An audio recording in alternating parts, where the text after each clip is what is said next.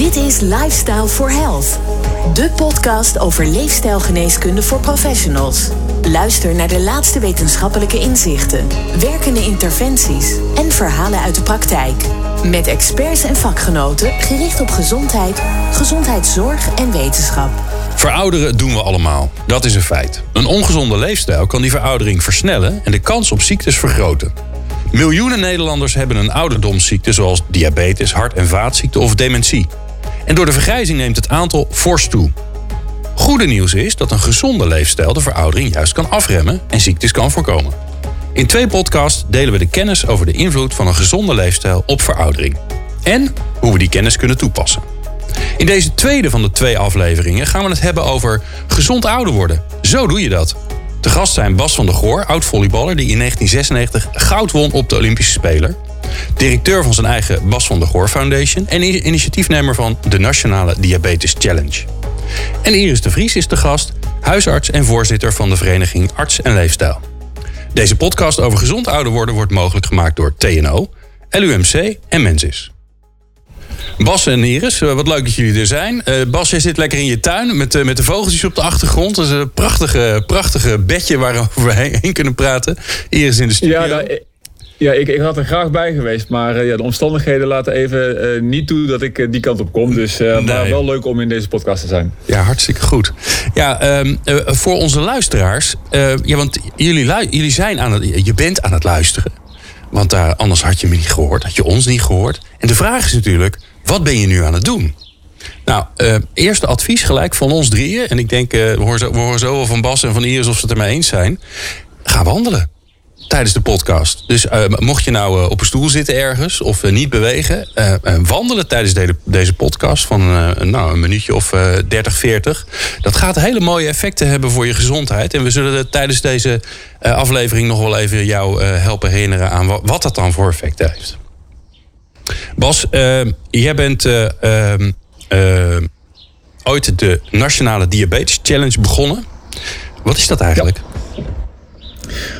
De Nationale Diabetes Challenge is een, is een, ja, wandelprogramma uh, waarbij we uh, mensen met diabetes proberen in beweging te brengen. Samen met de begeleiders, wandelbegeleiders. En in, in eerste instantie hebben we dat gedaan samen met de, de, de, huisartsenpraktijken en de praktijkondersteuners.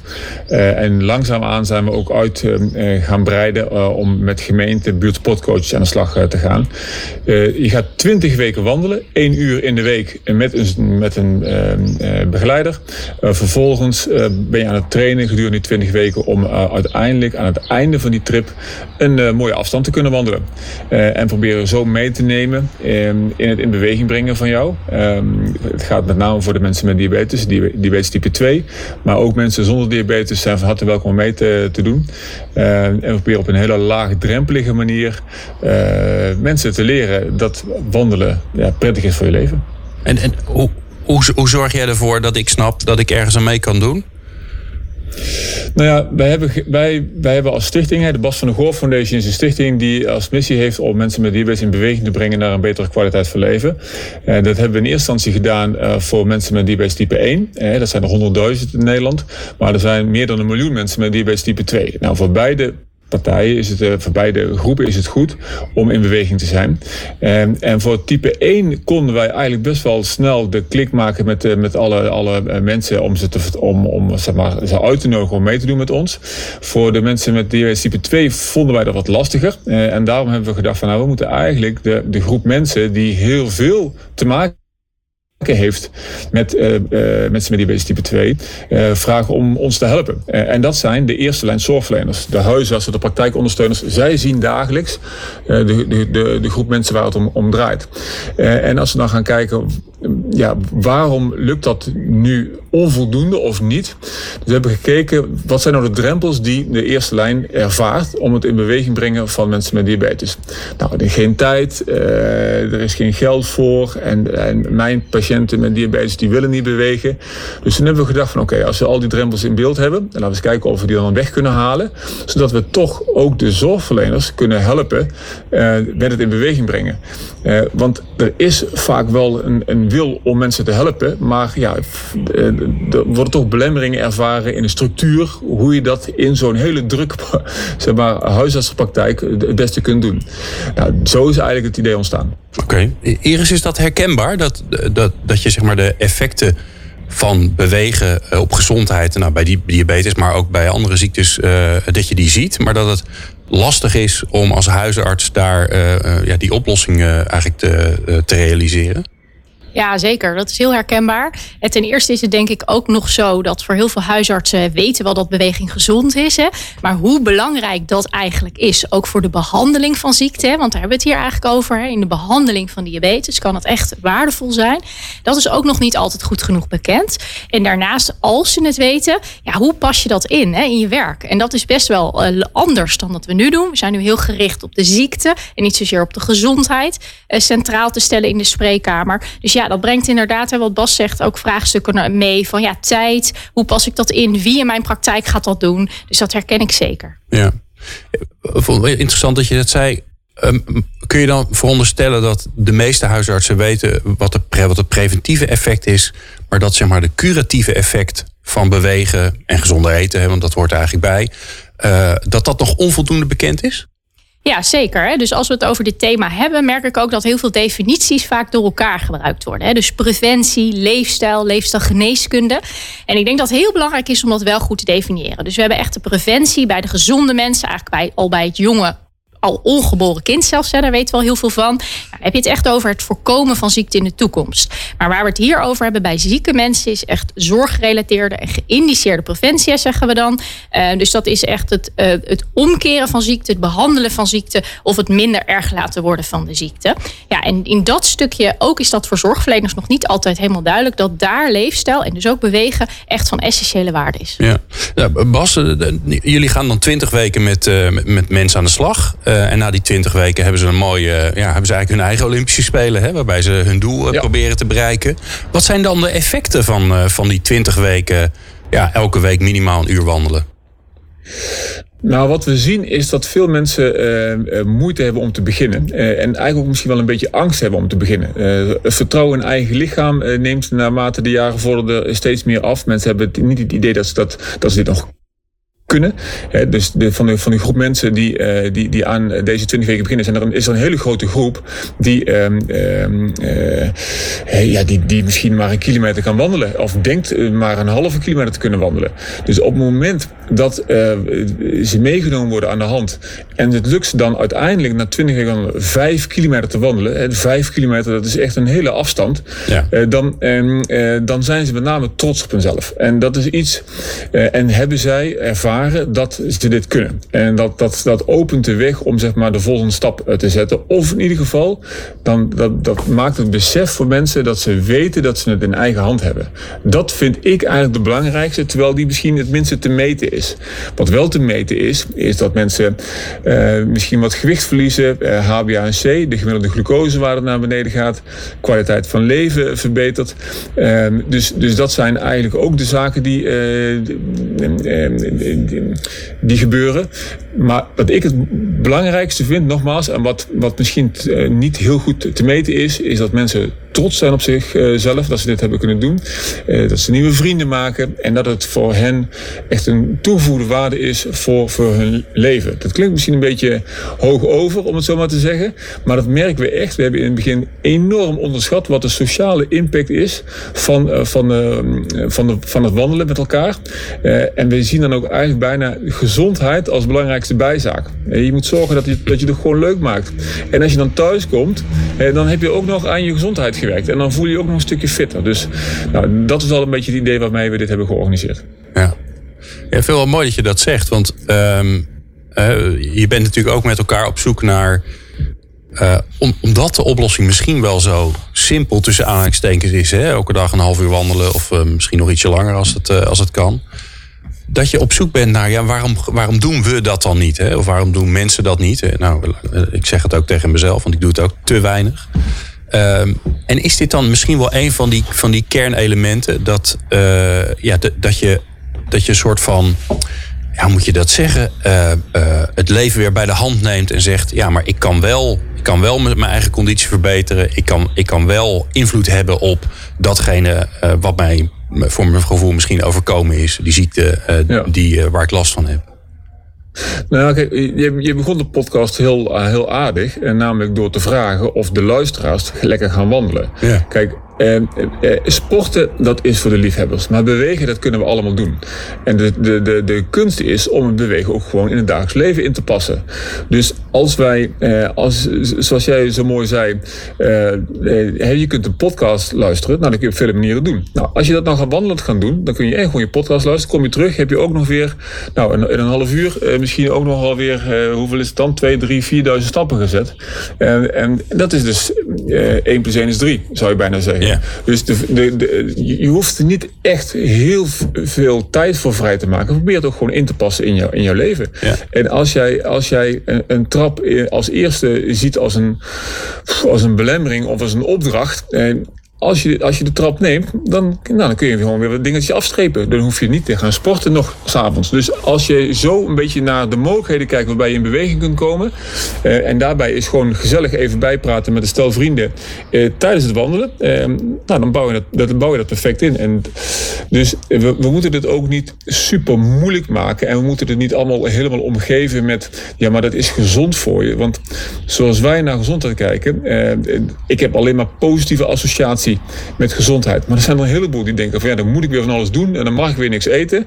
En die hebben daar niet zoveel mee. Dus probeer het vooral leuk te maken en laat ze dan achteraf, vertel ze dan achteraf, nou, je bent goed bezig geweest. Want, en, en daar zul je waarschijnlijk beter door voelen. Ja, ja, wat ik wel mooi vind wat je, wat je zegt, is dat je het niet sporten noemt, maar bewegen ik, ik kan me voorstellen dat nou ja, als, je, als je niet zoveel hebt met sporten... of je hebt een beeld van, beeld van sporten en je denkt aan Bas van der Goor die uh, goud wint... of uh, mensen die gelijk uh, heel ingewikkeld gaan hardlopen met veel te strakke pakjes aan...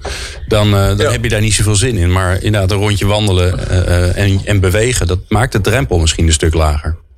En dan is er ook nog een groep die heel graag wil bewegen, maar dat het door fysieke ongemakken ook niet kan. dus dus eh, eh, en nogmaals, sporten voor de liefhebbers. Eh, stel dat cello spelen goed was voor je gezondheid ja, dan zie ik mezelf niet cello gaan spelen. Ehm, maar als muziek luisteren dan wel zeg maar ook oké is, nou ja, dan dat wil ik wel doen. En dat kun je eigenlijk gewoon dagelijks inpassen. Zo zou je het ook kunnen, kunnen zien met, met sporten en met bewegen. En misschien als je heel veel muziek luistert, dan ga je op een gegeven moment denken van nou, ik zou ook wel eens een keertje cello willen spelen. Dat is prima. Maar um, uh, dus bewegen is denk ik belangrijk voor iedereen en sporten is voor de liefhebbers. Ja. Hoe, hoe zorg jij, want ik denk dat dat misschien wel belangrijkste is om van jou te weten te komen. Hoe zorg je er nou voor dat mensen meedoen? Dat je ze over die drempel krijgt, dat je ze uit dat huis krijgt, van die bank af, uh, die, die plek waar het zo comfortabel is. Nou, volgens mij hebben veel mensen, eh, als het over, over sporten of bewegen gaat, een heleboel ja, negatieve associaties. Uh, als ik een keer vraag wie werd er uh, voor een groep mensen die de potentiële deelnemers, wie werd er bij het uh, gymles altijd als laatste gekozen, gaan er best wel wat handen de lucht in. En iedereen weet dat dat bewegen goed is. En dat betekent dat iedereen ook wel een paar keer geprobeerd heeft. Maar omdat je niet precies weet hoe je daar om mee moet gaan, ja, lukt het toch een heleboel mensen ook niet. En als je gewoon tien keer probeert en het mislukt tien keer, ja, dan is het gewoon, dan heb je gewoon een negatieve associatie met sport en bewegen. En de kunst is om te kijken of je een, weer een aantal positieve associaties kunt bouwen. Zodat uh, als, je, als het over sport en bewegen gaat, mensen denken van nou ja, dat vond ik eigenlijk wel leuk. En hoe doen we dat? Ja, een beetje flauw, maar we hebben daar een soort van formuletje ooit voor uh, gezien. Uh, e gedeelte V is groter dan 1. De ervaring gedeelte de verwachting moet groter zijn dan 1. Dus als ah. mensen komen, dan zou het wel fijn zijn dat ze naar huis gaan en dat ze het gevoel hebben van hé, hey, dit viel eigenlijk best wel mee. dit was eigenlijk best wel leuk. Ja, en hoe doen we het dan? Uh, nou, maak, de, maak, het laagdrempelig. Uh, zorg ervoor dat mensen niet afvallen omdat het te hard gaat of dat het niet op hun niveau kan. Uh, zorg ervoor dat er misschien vooraf even een kopje koffie is. maak het gewoon gezellig. En, en, en, en, zorg ervoor dat er ja, een groep gelijkgestemd op pad gaat. Nou, dat is eigenlijk wat er, wat er gebeurt. Zodat, het is nooit stil. Er zijn nooit groepen die als een soort van stille kudde aan het wandelen zijn. Het is één groot geklep en gekwek. en iedereen praat met elkaar. En, uh, en dat is zeg maar het leuke. Dat is de reden waarom mensen vaak terugkomen. Want als je het voor Iris zou moeten doen. Of je moet het voor mij doen, of je moet het voor je partner doen. Maar je vindt het niet echt leuk. Ik weet niet of jij wel eens gedieet hebt. Ja, en ook al kan het heel gezond zijn, als het niet leuk of niet lekker is, ja, dan is het gewoon heel moeilijk vol te houden. En dat is bij bewegen ook zo. Als je, het, als je er naar uitkijkt en je hebt de keuze, ik ga vanavond wandelen of ik ga vanavond uh, Italië-Spanje eh, kijken op de EK. Uh, en je kiest dan voor het wandelen, ja, dan, dan heb je de smaak te pakken. Maar op het moment dat je de keuze moet maken, dan is het nog geen gewoonte. Hè? Dus als je de keuze hebt om, om te gaan wandelen of te blijven zitten op de bank, dan, dan is het nog geen gewoonte. En dan, ja, dan moet je dan nog een beetje tijd in investeren, zeg maar, om dat tot toch een gewoonte te maken. Maar, maar dat is denk ik wel, uh, uh, je, je moet het echt vanuit jezelf, je moet een reden hebben, je moet een motivatie hebben om aan de slag te gaan. En als je die vindt, dan wordt het ook makkelijk om het vol te houden. Ja, ja dus je, kijk, jullie proberen die gewoonte te creëren. Jullie proberen ook dat uh, in mensen op te roepen dat ze denken: hey, kan dit? Hè? Uh, ja, uh, ik ja. heb ooit gehoord dat daar een mooi woord voor is: self-efficacy. Dus uh, iedereen die ooit iets van psychologie gelezen heeft, die komt het ongeveer om de drie bladzijden tegen. Hè? Dus, de, dus het gevoel dat je het kan. En als je dat niet hebt, dan ga je het niet doen. Als je het wel hebt, dan is de kans groot dat je het wel gaat doen. Um, maar dan nog blijft de vraag: hè, hoe zorg je er nou voor dat mensen gaan beginnen? Want daar begint het natuurlijk bij. Want als je zeker, je vertelde het al, maar mensen hebben een aantal negatieve ervaringen. Uh, ja. Welke rol speelt die huisarts daar dan in om mensen daar toch even dat, dat eerste zetje te geven om in beweging te komen, letterlijk? Nou, voor ons cruciaal. Um, in het begin uh, zaten we natuurlijk bij de, bij de eerste lijns uh, praktijk. Uh, en daar deed de huisarts of de praktijkondersteuner, die nodigde mensen uit. wandel met mij mee. want ja, ik doe ook mee. het is om de hoek, dus het is heel laagdrempelig. Oh, wacht even, je zegt nu iets interessants. Ik doe ook mee. Ja.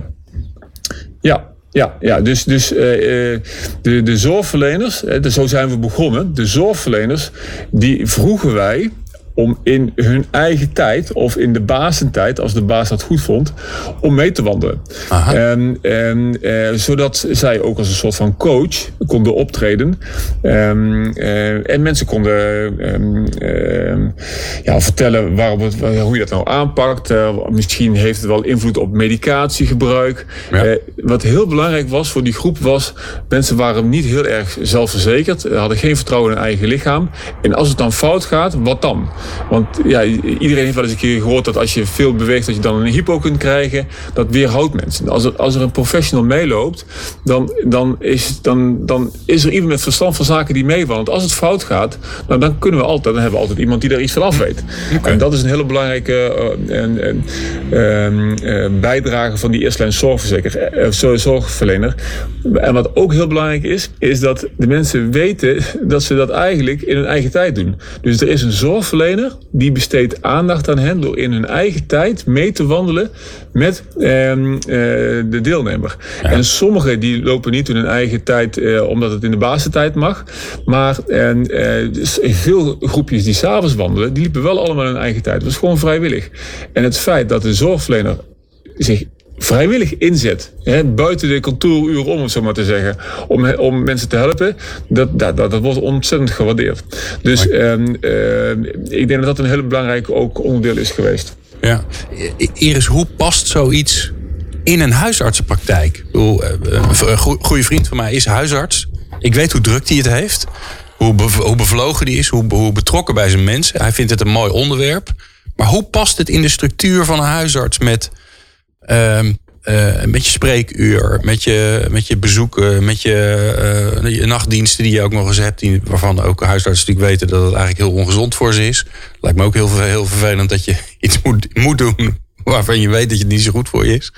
Um, maar ook in de, in de hele kostenstructuur en de hele uh, financieringsstructuur van de huisarts. En dan dan weet je dat, nou nu weet iedereen het, want iedereen heeft het gehoord, dat dit handig is, dat het helpt, uh, dat het kan helpen bij het, uh, bij het genezen van diabetes.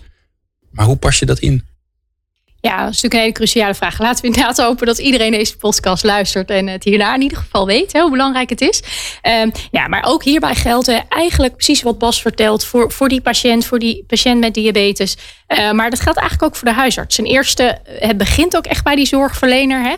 Hè? Um, hoe verhoudt hij zich eigenlijk tot het thema leefstijl? Hoe is met zijn eigen leefstijl gesteld? Echt niet perfect te zijn. Maar wel, um, het is denk ik heel helpend als je hebt ervaren hoe moeilijk het ook kan zijn om je gedrag te veranderen. Dat is voor ons allemaal zo. Ook voor mij. Ik heb twee hele kleine kindjes. Uh, dus ook stress en ontspanning is voor mij echt een aandachtspunt. Um, ook weer elke dag. Nou ja, en daarin probeer ik dat ook wel met die patiënten te delen. Hè. Dus er ontstaat een soort gelijkwaardigheid. Ja, en dat kost eigenlijk geen tijd. Hè. Dat heeft ook iets te maken met je houding ten opzichte van het onderwerp. En ik denk nog los van alle financiële structuren, want daar hebben we echt nog grote stappen te maken, moeten we dit denk ik ook klein maken. Net zoals als dat het wandelen klein mag beginnen, mag dit ook klein beginnen in de huisartsenpraktijk. Oké, dus niet gelijk denken, ik wil dit voor al mijn diabetespatiënten doen of al mijn, mijn hart- en vaatziekten. En, en ik ga met uh, honderden, duizenden mensen gaan we dit doen. Gewoon Klein ja, absoluut. Dat zou ik zeker doen. Omdat je, je hebt ook bepaalde vaardigheden nodig hè, als, als dokter, als zorgverlener om dit op een andere manier te doen. Vaardigheden die we ook niet nog leren in de studie. Um, en ook niet, niet oefenen, omdat we dat ook niet gewend zijn te doen. En wat voor vaardigheden denk je nou ja, Het gaat met name echt over dat andere gesprek. Hè. Dus een ander gesprek met de patiënt leidt ook tot een andere uitkomst van dat gesprek. En dat is misschien geen verwijzing naar het ziekenhuis, als je daar niet direct een medische reden voor hebt. Maar juist wel verwijzen naar de diabetes uh, challenge, naar de wandelgroepen. Uh, omdat, je, uh, omdat dat bij die patiënt past. Omdat je toch erachter komt dat die patiënt best gemotiveerd lijkt te zijn. als je daarover doorpraat. Ehm, maar dat, dat vraagt dus iets over je houding in dat gesprek, over de vragen die je stelt. En met name ook over hoeveel regie geef je die patiënt. En dat, dat was net volgens mij ook in het gesprek met Bas kwam dat naar voren. Van hoe um, als een patiënt ervaart van nou, ik kan, weer, uh, kan het zelf weer vastpakken. Ik ben zelf, heb ik de regie. Uh, dan zet je hem ook in zijn kracht. En heeft hij soms echt hulp bij nodig. Maar ik denk dat dat met name is waar we als zorgverlener nog echt veel meer uh, op kunnen inzetten. Ja, en dat kost niet per se heel veel extra tijd en geld. Maar vraagt net een andere uh, kijk um, op je werk. En ook een uitvoer van je werk. Ja.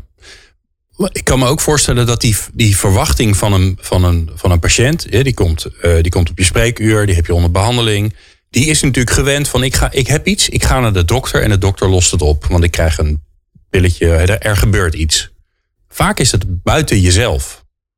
Wat heel prettig is. En pilletjes ja. slikken is fijn, want dat is niet zo ingewikkeld. Ja. Als ja, ik dan ja en nee hoor. Want ik, dat hoor ik heel vaak. Maar ik merk ook wel dat het ook een soort gewenning is. En soms ook wel dat, dat het toch nog steeds is de patiënt een beetje opkijkt tegen de dokter. Want als ik dat gesprek met de patiënt heb. Heel veel patiënten willen helemaal geen pillen. Die, die zitten daar helemaal niet op te wachten. En tuurlijk zijn er wel eens mensen die zeggen: Oh, hou maar op over die leefstijl, ik heb er geen zin in. Nou, dan laat je dat ook. Maar ook een ongelooflijke groep men, grote groep mensen heeft, wil dat eigenlijk niet. Nou, helemaal de overgang van hè, oraal, dus, dus het slikken van medicijnen naar insuline spuiten. Ja, dat is echt een heel belangrijk moment waar mensen op ook echt heel gemotiveerd zijn om toch een andere weg in te slaan. Nou, dat is denk ik ook echt jouw moment als zorgverlener om daarop in te steken en te kijken van hey, kan ik iets anders bieden eh, dan alleen maar medicijnen. Ja. Hoe, hoe werk jij nou samen met andere partijen om dit, dit soort dingen voor elkaar te krijgen? Natuurlijk met Bas. Natuurlijk, ja, zeker. Nou ja, dat is ook wel heel regionaal bepaald. Hè, maar waar denk ik. Uh, we roepen heel vaak samenwerking. Dat, dat doen we als huisarts denk ik ook. Dat proberen we ook heel goed te doen. Maar ik denk dat we heel goed moeten kijken naar hoe ziet die samenwerking er echt uit. Hè? Dus dat is niet alleen maar verwijzen en dan de patiënt even heel platgeslagen over de schuttingen. Maar is ook echt uh, met elkaar blijven overleggen. Een stukje nazorg bieden. Uh, toch ook vragen, hoe is het met de medicatie? Moet ik daar nog iets in? Hè? Want daar ben je als dokter ook verant eh, echt verantwoordelijk voor. Nou ja, waar, waar, je bijvoorbeeld aan kan denken... is dat ik ook best veel met de apothekers samenwerk. Hè? Dat, dat is best verrassend. Ik zie ook best verrassend okay. kijken. Zo van, ja. Maar je ziet dat heel veel apothekers... Hè? we hebben steeds meer leefstijlapothekers ook in Nederland... waar ik heel trots op ben... die toch ook echt wel zien van ja, medicatie echt als het nodig is... maar ook wel op, uh, op de manier um, dat het ook echt helpt. En als het niet nodig is, moeten we het ook niet doen. Nou, daarnaast kan je ook heel goed met hun overleggen... Ga je zo'n interventie starten? Maar even, even terug naar die apotheek, want die vind ik interessant. Ja, ja. Waarom, los van het feit dat ze de, de wereld willen redden misschien, maar waarom willen ze dat? Want die prikkels zitten helemaal niet daar. De prikkels zitten bij, ja, iemand komt bij ons, uh, we krijgen per recept betaald, uh, daar verdienen we ons geld aan. En dus blijkbaar zijn er dus apotheken die denken, ja, ja, als het niet hoeft, dan moet vooral niks voorschrijven. Nee, nou, ik, ik denk dat, dat je qua prikkel heb je in feite gelijk. Hè? Maar er zijn denk ik twee belangrijke dingen. Ik ben natuurlijk geen apotheker, maar wat ik van hun begrijp is dat, dat zij ook wel zien dat als je in de wijk, in de regio een positie wil innemen die ook duurzaam is, dat je ook iets anders moet gaan bieden dan alleen maar doosjes over de toonbank. En daarnaast hebben ze als apotheker, ik denk dat zij zich ook echt zorgverlener voelen. En dat zij ook um, samen met mij als huisarts heel goed willen kijken hoe is de medicatie of effectief en efficiënt. Hè? En hoe kunnen we ook de therapie trouw zo hoog mogelijk maken. Nou ja, groot mogelijk maken. En als, als insuline eigenlijk helemaal niet, niet goed werkt, hè, we weten ook van hele hoge dosering insuline, ja, dat werkt eigenlijk helemaal niet meer goed. Mensen worden alleen maar dikker daarvan. Ja, dan is dat ook niet in het belang van de apotheker. Uh, dus, dus dat is denk ik een heel belangrijke zorgverlener. Daarnaast natuurlijk de diëtist, de fysiotherapeut, uh, soms de psycholoog als dat nodig is. Nou, we hebben ook een heel belangrijk ander programma waar we naartoe kunnen verwijzen. De gecombineerde leefstijlinterventie, de GLI. Uh, die landelijk uh, is uitgerold en ook um, wordt vergoed. Daar zijn nog best echt wel uh, wat hobbels op de weg die we met elkaar aan moeten gaan. Maar ik denk dat het ook heel veel kansen biedt voor mensen met overgewicht. Um, die toch ook financieel misschien wat minder mogelijkheden hebben, maar zeker in zo'n programma passen. En weer terug naar jouw eerste punt, dat leeft de huisarts ook iets op. Hè? Als je iemand verwijst naar zo'n programma, heb jij daar op dat moment zelf niet meer heel veel werk van. Mm. En iemand is, wordt twee jaar begeleid, uh, vrij intensief vaak ook. Dus dat, dat helpt jou zeker ook in je praktijk, omdat je dat ook geen tijd of, um, of mankracht uh, kost. Ja. Um, nou, en verder uh, zijn er ontzettend hè, welzijn op recept bijvoorbeeld. Maar goed, regionaal zijn er heel veel initiatieven. Dus zeg ik eigenlijk altijd tegen de zorgverlener: ga daar eens naar kijken. Breng nou eens eigenlijk jouw regio goed in kaart. En wat je dan merkt, is dat mensen soms zeggen: Nou ja, bij mij om de hoek zat er een initiatief wat super helpt uh, bij mijn patiëntenpopulatie. Maar dat zit er al drie jaar en ik wist er helemaal niks van. En hoe vind je dat dan? Is er iemand die dat bij elkaar brengt? Nou, ik denk dat de zorggroep daar een belangrijke rol in kan vervullen. Hè? Eh, die toch nog beter kan faciliteren in van nou, welke initiatieven en welke verwijsmogelijkheden zijn er nou regionaal. Dat doen sommige zorggroepen ook, uh, ook heel goed. Uh, en ik denk, ja, weet je, we hebben allemaal Google. Um, dus ja, een beetje flauw. Maar ja, als je als zorgverlener iets yeah. mee wil, denk ik, ja, als jij het kwartier op Google zit in jouw regio. En met een beetje de juiste kernwoorden die je natuurlijk echt als zorgverlener wel kan bedenken. En klinkt super simpel, maar dat, daar kan je echt al heel veel leren over jouw regio. En ook wel komen tot dingen waar je eerder niet aan gedacht hebt. Dit is Lifestyle for Health. Er zijn natuurlijk ongelooflijk veel manieren en mensen en instellingen die je kunnen helpen bij je leefstijl.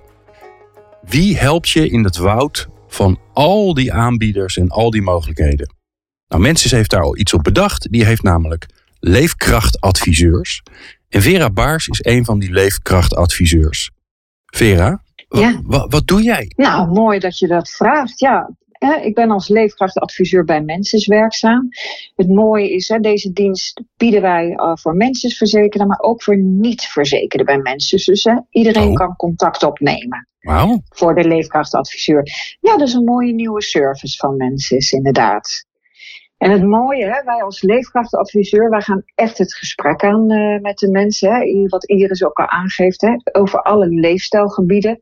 Dat dat heel belangrijk is. Hè. Dus wij gaan uh, uh, het gesprek aan over het bewegen, over voeding, over ontspanning, over slapen, hè, de hele leefomgeving, de zingeving. Daar gaan wij over in gesprek met de klant.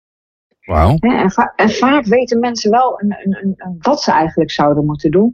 Maar van inderdaad wat je aangeeft, maar waar moet ik nou beginnen? Waar, waar kan ik nou terecht? Wij kennen de stappen van gezondheid, maar wij kennen ook het zorglandschap. Dus inderdaad, van, hè, gaan wij de klant gidsen naar een fysiotherapeut omdat hij specifieke beweging nodig heeft? Of gaan wij een klant gidsen naar uh, een diëtiste? Hè, zo zijn er verschillende items wat aan bod kan komen waar we met de klant over in gesprek gaan en aansluiten bij de klant. Ja, mooi. Waar, waar heeft de klant nou behoefte aan? Waar wordt hij gemotiveerd van? Ja. Hè, uh, waar word je enthousiast van? Hè? Wat, wat is die eerste stap? En wat voor mensen bellen jij nou? Het grootste gedeelte eigenlijk wat belt is toch 40 plus. En mensen echt die verschillende vragen hebben over gezondheid. Dus het is van, van afvallen, mensen die al verschillende pogingen hebben gedaan en het lukt niet. Ja, wat ook uh, wat vaak voorkomt, hoe houd ik het nou vol? En dan heb je een poging gedaan en dan ben je 10 kilo afgevallen en daarna val je weer in je oude gewoonte.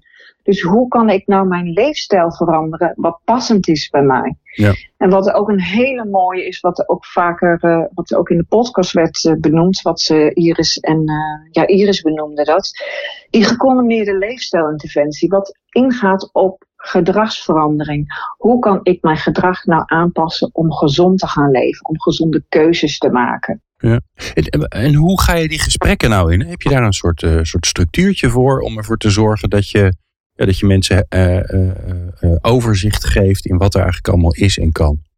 Ja, nou wat, wat er gebeurt, mensen kunnen zich aanmelden voor een gesprek. Dat kan via de website. dan wordt er in eerste instantie een, een korte intake met hun afgenomen door de collega's van zorgadvies. Dus die gaan met de klant kort in gesprek. Goh, waar is behoefte aan meer informatie over? Is dat over bewegen? Is dat over ontspanning? Over voeding? Nou, dat is de informatie die we met, met, met voor de klant hebben, waar wij met de klant in gesprek gaan. En dat kan telefonisch, maar dat kan ook via beeldbellen. Dus we hebben ook een beeldbelgesprek kunnen we houden met de klant. En dan kun je het nog meer met elkaar in gesprek zijn, want dan zie je elkaar.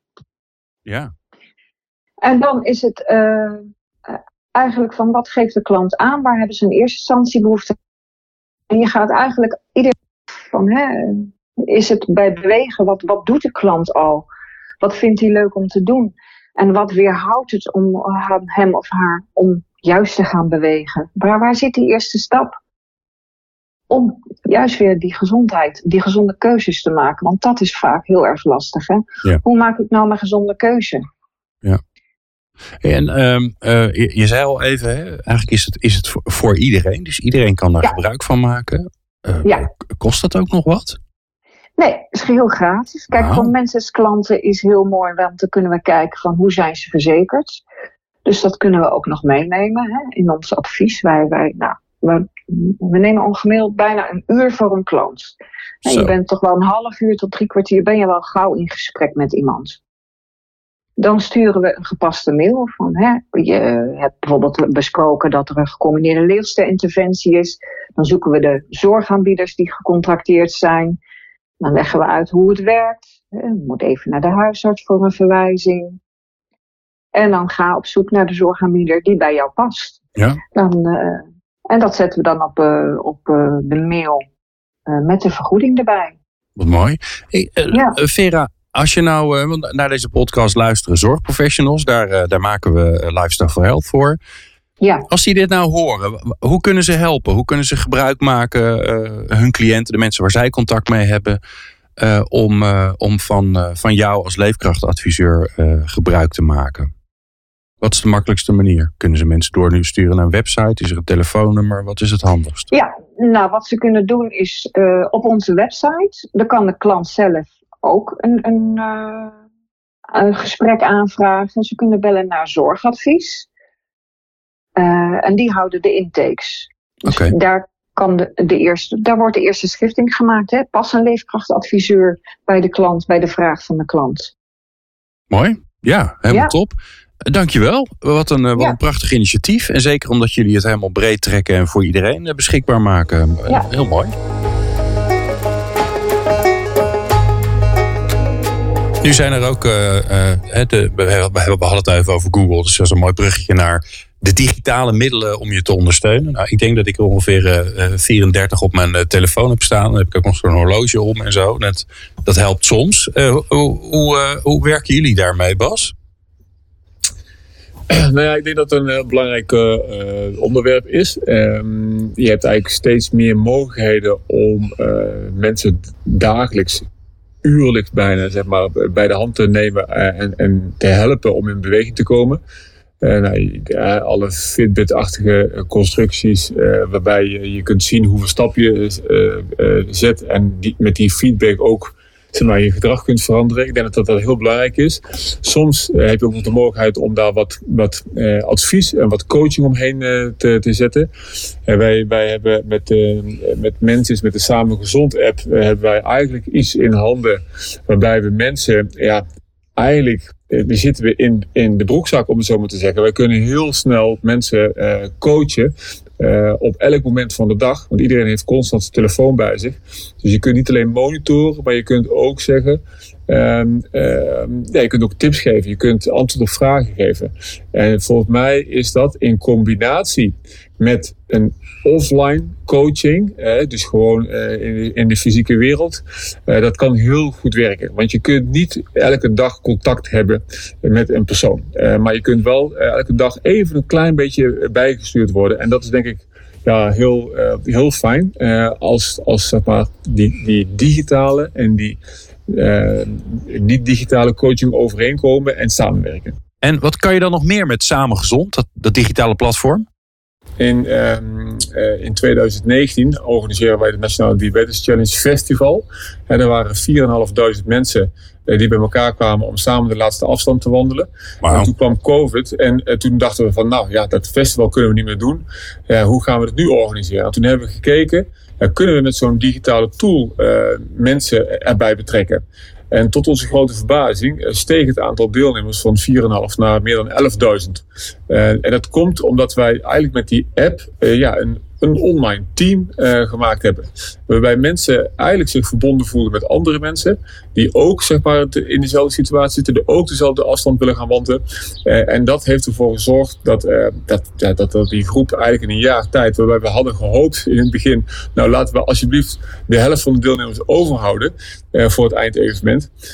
dat we dat meer dan twee keer zo groot zijn geworden. Dus dat is, dat, dat is echt wel een kracht van die digitale eh, middelen. Ja. ja, en wat het ook doet, hè, denk ik, uh, Bas, het ik ook, is dat het ook meetbaar maakt en inzichtelijk. En we weten uit wetenschappelijk onderzoek ook hè, dat als je gaat zien wat je resultaat is, dat inderdaad die zelfeffectiviteit, hè, dat vertrouwen in dat ik dat kan, die groeit daardoor. Um, en je, je ziet ook resultaten en daardoor kan je ook veel beter feedbacken. Dus je kan veel beter evalueren van, oh, het gaat eens een keer niet goed. Waar, waar komt dat dan door? Um, nou, dat, dat, dat geeft ook de zorgverlener veel haakjes om ook dat gesprek eh, te voeren. Ik denk, wat ik ook wel zie gebeuren, is ik ben ook super enthousiast over digitale middelen, ook in de huisartsenpraktijk. Ik denk dat de huisartsenpraktijken daar ook nog echt ontzettend veel kansen daar liggen om, om op te pakken. Ik denk dat het ook goed is om steeds wel te denken van wat is het doel, wat is het probleem wat we gaan oplossen met, met deze app of met deze tool. Hè? is een middel tot een doel. En uh, een digitale oplossing is geen doel op zich. En dat blijft denk ik wel steeds belangrijk om, om te blijven bedenken. Zodat je steeds die patiënt centraal stelt en denkt hoe gaat het die patiënt echt helpen. Ja. Bas, um, ik kan me goed voorstellen dat onze luisteraars, eh, die natuurlijk zelf uh, zorgprofessionals zijn, denken: Goh, uh, hier heb ik veel aan. Ik, ik, wil, ik wil wel meedoen. Hoe, wat zijn zeg maar, de tips die je ze kunt geven wat hun eigen rol is om deel te nemen aan, uh, aan de, de Nationale Diabetes Challenge? Nou, uh, ten eerste, uh, als je meer informatie daarover wilt hebben, dan, dan google je gewoon op Nationale Diabetes Challenge en dan kom je op de site en daar kun je alle informatie vinden. Uh, ik denk dat het heel belangrijk is um, dat, uh, dat er soort van intrinsieke motivatie is voor de zorgverlener om hiermee aan de slag te gaan. Uh, wat we veel zien is dat er, dat er één of twee mensen heel erg enthousiast zijn, dan willen gaan beginnen. En ik denk dat het heel goed is om, uh, om ook te kijken of je gewoon de hele praktijk uh, mee te krijgen. Uh, om te vragen of ze af en toe ook een keertje meewandelen. Want dat, dat versterkt het programma enorm. Als de draagkracht heel breed is in de praktijk, dan, ja, dan kan ik me voorstellen dat het veel succesvoller en ook veel duurzamer ingezet kan worden. Uh, maar als je mee wilt doen, dat kan heel simpel. Uh, in, in, in vijf à tien minuten heb je in principe jezelf aangemeld. Uh, waarbij je dan meteen ook een heel communicatiepakket toegestuurd krijgt. de shirtjes komen naar je toe. Je hebt een eigen website. Dus we proberen eigenlijk alle drempels van de logistiek en de organisatie en de communicatie weg te nemen bij je. En, en dan is het zo dat het niet een programma is wat je van A tot Z moet volgen, maar je mag zeg maar, gebruiken wat je nodig hebt in het programma. Uh, en dat betekent dat sommigen, die zijn eigenlijk al best wel goed op weg, maar die zoeken sommige praktijken zijn al best wel goed op weg en die wandelen al. Maar die willen toch nog kijken of ze misschien ergens kunnen aanhaken of bepaalde onderdelen van onze opzet zouden willen gebruiken. Nou, dat kan. En uh, daar is iedereen vrij in. En dat, dat ervaren we ook wel een beetje als een kracht. Je, hoeft niks. Uh, maar als je wilt, kun je heel veel komen halen.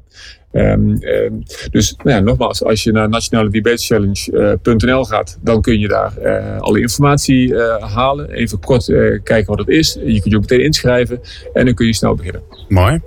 Ja, Iris, wat ik wel leuk vind is dat het is misschien ook een soort teambuilding voor je, voor je huisarts, huisartsenpraktijk om, om zelf maar gewoon eens te beginnen met wandelen. Ja, zeker. Nou, ik denk dat ook. En ik denk het helemaal met Bas eens van het moet, het moet niet iets zwaars worden. Het moet niet iets worden wat je moet gaan volhouden. Het is ook gewoon ontzettend leuk. Hè? Wij als mensen zijn ook gemaakt om te bewegen en om ook sociaal met elkaar dingen te doen.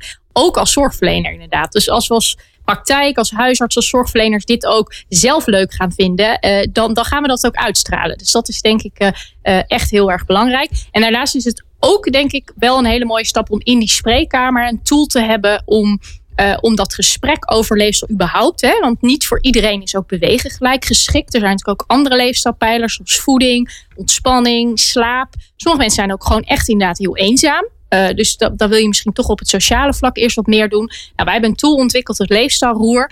Uh, waarbij je in de spreekkamer heel laagdrempelig aan de hand van een bureaublok um, leefstijl maken bespreekbaar kan maken met die patiënt. Nou, en als daaruit komt dat die patiënt heel gemotiveerd is, hè, want dat is wel essentieel. Hè. Je gaat echt kijken wat is voor die patiënt belangrijk. Niet voor mij als zorgverlener, maar voor die patiënt. Nou, heel veel mensen vinden inderdaad sporten ingewikkeld, maar bewegen uh, zien ze wel zitten. Nou, dan is het ongelooflijk gaaf om ze door te verwijzen naar, um, naar Bassen, uh, om daarmee aan de slag te gaan. Uh, maar er komen soms misschien ook andere pijlers uit waar je eerst wat mee zou willen doen. Ja. Nou, dat roer biedt heel veel handvaten en dat kan ook, op, kan ook kort, kost ook niet veel tijd. Je kunt het ook afscheuren en meegeven aan de patiënt. Terug laten komen bij de praktijkondersteuner bijvoorbeeld of bij jou. Maak het eens visueel voor me. Wat, zie ik voor me? Ja, het is eigenlijk een soort roer van, uh, van een schip als het ware. Met zes pijlers. Uh, voeding, beweging, slaap, ontspanning Um, nou, die pijlers die ik net noemde. En, en verbindingen. Dus ook dat sociale stuk is daar heel belangrijk in. Bewegen natuurlijk. En uh, ja, het idee is dat dat jouw eigen roer is, hè, waar je aan kan draaien als patiënt. Dus je hoeft niet alle pijlers tegelijk. Je bent echt op zoek naar van, oké, ik wil ik iets met mijn leefstijl en waar zou ik dan willen beginnen? Wat, wat past bij mij?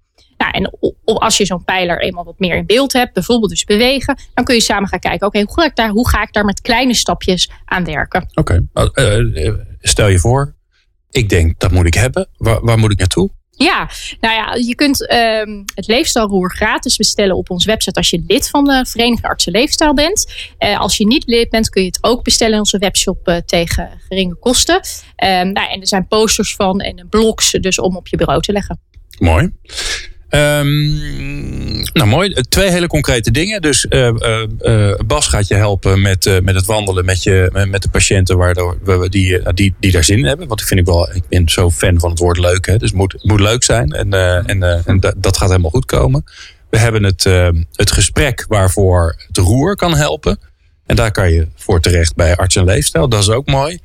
Um, ja, ik wil eigenlijk eindigen met. Die half uur, die, nou, iets meer dan een half uur, dat iedereen nu gewandeld heeft. Want iedereen heeft natuurlijk gelijk naar ons geluisterd door te, door te denken: oh ja, nee, ik ga niet eh, op de bank liggen tijdens deze podcast, maar ik ga even een ommetje maken. Uh, uh, Bas, wat is er nu met mensen gebeurd in dat half uurtje dat ze gewandeld hebben? Beschrijf dat eens. Nou, nou ja, nou, wat ik misschien even wil aanhaken wat Iris uh, zei. En misschien is dat ook wat er gebeurd is het afgelopen half uur. Uh, dat je wandelen, dat lijkt eigenlijk zo vanzelfsprekend. Maar als je even de stekker eruit trekt en je gaat een uurtje of een half uurtje wandelen, dan voel je je gewoon een stukje, een stukje fitter. En wat wij ook heel graag willen doen, is, en dat zien we ook terug in al onze groepen, uh, de, dit het programma is, is natuurlijk, is, vinden wij natuurlijk mooi. Maar de kracht van het programma zijn zeg maar, de inzet van mensen en van de zorgverleners. Uh, er zijn er heel veel die willen heel graag iets doen. Alleen die vinden het lastig om in, de bepaalde, in deze structuur daar toch tijd voor vrij te maken. En, en, wij zien dat het enthousiasme van de, van de zorgverleners die, die meedoen, van, de, van de professionals, dat die recht evenredig is aan de enthousiasme van de, van de groep en de grootte van de groep.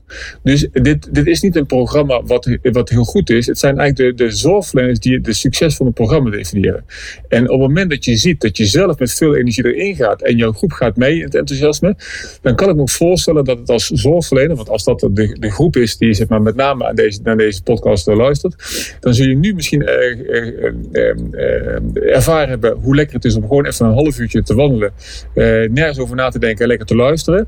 en dat, dat, dat gaan ook de deelnemers ervaren. En tegelijkertijd krijgen ze ook nog de mogelijkheid om dingen op te steken en ook te zorgen voor mensen te horen wat er speelt en wat Iris ook zei, is dat, eh, dat je in dit soort gesprekken vaak veel meer hoort eh, dan dat je in de spreekkamer hoort. Mensen die kijken je niet in de ogen aan. Eh, je wandelt naast elkaar, je kijkt samen de, in de verte en dan komen er hele andere zaken op, op tafel. Dus ehm, ehm, ik denk dat dat ehm, is wat er gebeurt als je gaat wandelen. en ik hoop dat uh, mensen ja, die positieve energie niet alleen van het gesprek, maar ook van het wandelen hebben meegekregen. Mooi. Iris, kan je dat nog, nog aanvullen met, ja, uh, met zeker. wat... Nou ja, dat het niet alleen de positiviteit van het wandelen, dat is absoluut zo, maar ook gewoon in je werk veel meer positiviteit ervaart. Hè? Dat we zoveel terugkrijgen dat zorgverleners hun werk gewoon veel leuker zijn gaan vinden. Nou, het is natuurlijk ongelooflijk vind ik, om met zo'n groep mee te lopen. Inderdaad, je hebt hele andere gesprekken. En tegelijkertijd is het ook in je werk in de spreekkamer veel leuker omdat mensen bezig zijn met een duurzame oplossing en niet met het voorschrijven van pil. En dat je mensen ook ziet. Ja, je ziet mensen ook gewoon beter worden, opbloeien. En echt, het lukt niet bij iedereen. Daar mogen we ook reëel in zijn. Maar bij heel veel mensen wel. En dat maakt mijn werk gewoon, en dat hoor ik dus ook gelukkig van collega's, uh, echt veel leuker. Ja, en wat gebeurt er nou tijdens dat wandelen? Nou ja, medie, de fysiologisch ontzettend veel. Hè, maar wat één belangrijk, heel belangrijk ding is, is dat gewoon je, je, je cellen in je lichaam worden gewoon veel gevoeliger voor insuline. Nou, dat is een heel belangrijk hormoon. Uh, en als we heel insuline ongevoelig worden, ja, dan hebben we ook veel meer kans op chronische ziekte. Nou, dat kunnen we al met een half uurtje eh, verbeteren. Ons immuunsysteem wordt veel beter. Nou, dat is in deze COVID-tijd natuurlijk helemaal uh, van belang. Uh, en daarnaast ook mentaal. Hè. We zien echt dat mensen mentaal gewoon zich beter kunnen concentreren. Zelfs na een half uurtje zich weer fitter voelen. Dus ja, heel veel redenen om dat en als patiënt, maar ook zeker als zorgverlener te gaan doen. Helemaal goed. Um, ik ga zo eerst eens even een stukje wandelen als we, als, als, als, we klaar zijn. Uh, dank jullie wel. Fijn dat jullie er waren. Bas van der Goor, natuurlijk uh, ja, oud, oud sportheld. Dat, dat, laten we dat in Nederland niet vergeten. Want uh, die moeten we nog veel meer eren dan we altijd al gedaan hebben.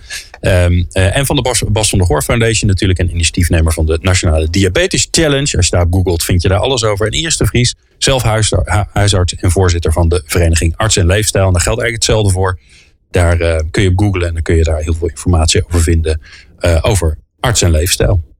Deze podcast is mogelijk gemaakt door TNO, het LUMC en Mensis. Dit was de tweede in de serie van twee podcasts over gezond ouder worden. Luister zeker ook de eerste podcast over waarom gezond ouder worden eigenlijk zo belangrijk is en hoe je via je leefstijl hier aan kunt werken. Dankjewel voor het luisteren. Dit was Lifestyle for Health.